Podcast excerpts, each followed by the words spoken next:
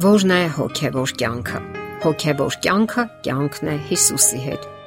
Նրա հետ ամենօրյա շփումն ու կապը եւ նա է, որ իմաստություն է տալիս մեզ հասկանալու մեր կյանքի իմաստն ու նպատակը։ Հասկանալու մեր աշխարհի վիճակն ու վերջապես մեր դերը այդ աշխարհում։ Որն է այն։ Ապրել եսասիրաբար, թե բաժին հանել նրանց, ովքեր ճունեն այդ օրհնությունները։ Արդյոք այդպես ենք վարվում մենք բաժին հանում ենք մեր օրհնություններից ու բարիքներից նրանց, ովքեր ճունեն, ովքեր տարապում են այս աշխարհի անարթարություններից ու դաժանություններից, ովքեր հաշմանդամ են ու կարիքավոր։ Հոգևոր կյանքի սկզբունքներից մեկն էլ այն է, որ որքան շատ ենք ներդրումներ անում Աստծո ծրագրերի մեջ, այնքան շատ է Աստված գործում մեր միջոցով։ Երբ մենք Աստծո մեջ ենք, նա տալիս է օրհնության ամենօրյա պտուղները, իսկ դա այն է, ինչի կարիքն ունենք մենք բոլորս։ Հոգևոր կյանքի մեջ գործերը եւս կարեւոր են։ Իհարկե, մենք գործերով չենք փրկվում, սակայն գործերը հետևում են հավատին։ Աստվածաշնչում կարդում ենք, որովհետև Աստված բոլոր գործերը դատաստանի է բերելու ամեն ծածուկ բանի հետ, թե բարի, թե չար։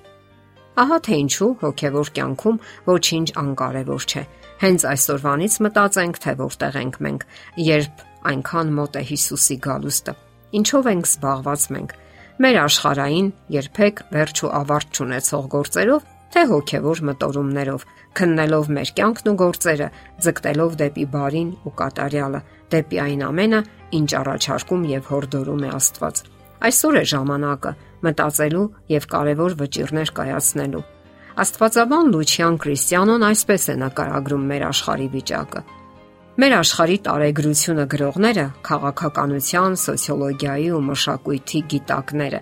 ապացուցում են իրենց ավանդական անընդունակությունը տեսնելու տեղի ունեցող իրադարձությունների հոգևոր գունավորումը։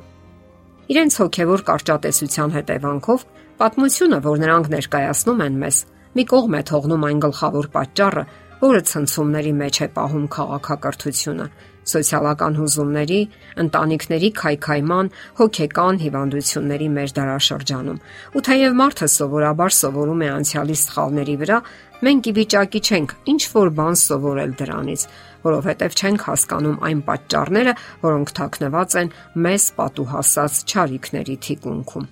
Իսկապես, ի՞նչն է, որ այդպիսի ցնցումների մեջ է պահում այս աշխարհը։ Իսկ միգուցե մարդը մոռացել է Աստվածային օրենքը, որը միայն կարող է խաղաղության մեջ պահել երկիր մոլորակը։ Օրենք, որն ունի դասյարակչական հզոր դեր։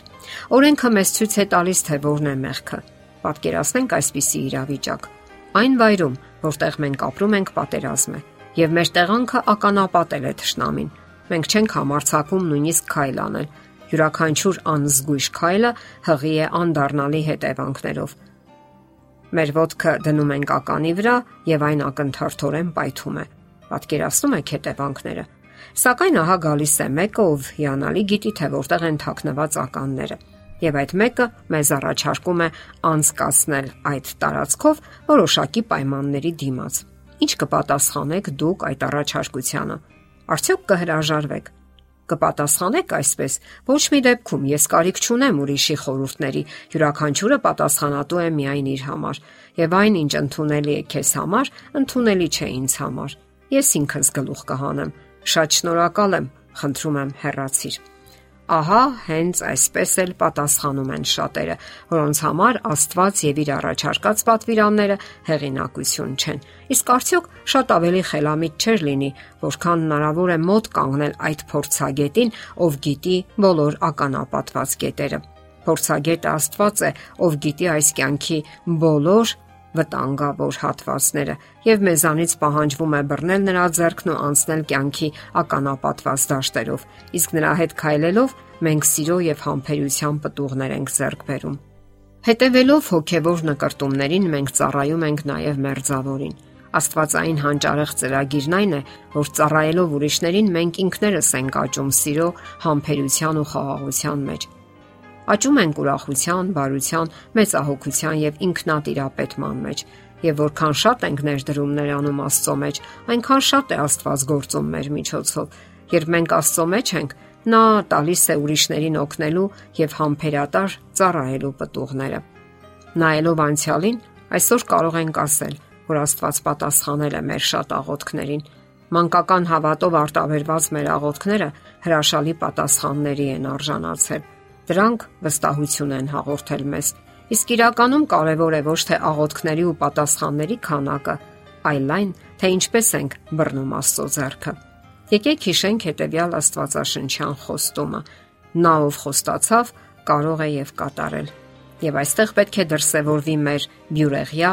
ջինջ հավատքը, որը թույլ չի տալիս կասկածի նշույլ անգամ։ Այդ հավատքն է, որ փրկություն է ապարգևելու Աստվածային դատաստանի ժամանակ Փրկվելու են միայն նրանք, ովքեր ընդունել են Հիսուսին որպես անznական փրկիչ։ Ընդունել են Հիսուսի արժանինքները եւ Գողգոթայի խաչի զոհաբերությունը հանուն մեզ։ Իսկ դա թույլ կտա քայլել հոգևոր ուղիներով եւ ունենալ հոգևոր վեհ սկզբունքներ, երազանքներ ու